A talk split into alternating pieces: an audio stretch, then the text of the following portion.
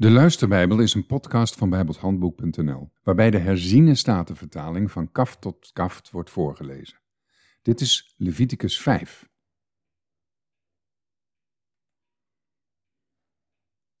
Als een persoon zondigt doordat hij een uitgesproken vervloeking hoort en hij dus getuige is, of dat hij het gezien heeft, of het te weten is gekomen, als hij het niet vertelt, dan draagt hij zijn ongerechtigheid. Of als een persoon ook maar iets onreins aanraakt, het kadaver van een onrein wild dier, of het kadaver van een onrein stuk vee, of het kadaver van een onrein kruipend dier, ook al is het voor hem verborgen gebleven, dan is hij toch onrein en schuldig. Of als hij iets onreins van een mens aanraakt, wat voor onreins van hem het ook is, waardoor hij onrein wordt, ook al is het voor hem verborgen gebleven, en hij het later te weten komt, dan is hij toch schuldig.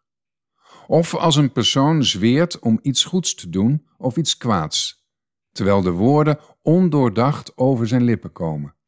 Na alles wat de mens ondoordacht in een eed kan uitspreken, hoewel het voor hem verborgen is en hij het later te weten komt, dan is hij toch aan één van die woorden schuldig.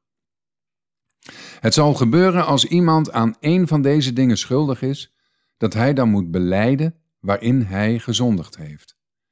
Hij moet vervolgens als zijn schuldoffer vanwege zijn zonde die hij begaan heeft aan de Heere een vrouwtje van het kleinvree brengen, een lam of een geit als zondoffer. Zo zal de priester verzoening voor hem doen vanwege zijn zonde. Maar als zijn vermogen ontoereikend is voor een stuk kleinvee, dan moet hij de Heere zijn schuldoffer brengen voor de zonde die hij begaan heeft. Twee tortelduiven of twee jonge duiven. één als zondoffer en één als brandoffer. Hij moet die vervolgens naar de priester brengen. Die eerst de ene aanbiedt die voor het zondoffer bestemd is, hij moet zijn kop vlak achter zijn nek afknijpen, zonder die eraf te trekken. Dan moet hij een deel van het bloed van het zondoffer tegen de zijwand van het altaar sprenkelen. Maar de rest van het bloed moet tegen de voet van het altaar uitgedrukt worden. Het is een zondoffer. En de andere moet hij, volgens de bepaling, als een brandoffer bereiden. Zo zal de priester verzoening voor hem doen vanwege zijn zonde die hij begaan heeft en het zal hem vergeven worden. Maar als zijn vermogen ontoereikend is voor twee tortelduiven of twee jonge duiven, dan moet degene die gezondigd heeft als offergave het tiende deel van een eva meelbloem als zondoffer brengen. Hij mag er geen olie op doen en er ook geen wierook op leggen, want het is een zondoffer. Hij moet het naar de priester brengen en de priester moet daarvan een handvol nemen als gedenkoffer en het op het altaar in rook laten opgaan, boven de vuuroffers van de Heere. Het is een zondoffer. Zo zal de priester verzoening voor hem doen over zijn zonde die hij begaan heeft, in deze of gene zaak. En het zal hem vergeven worden. Het zal voor de priester zijn, net als het graanoffer.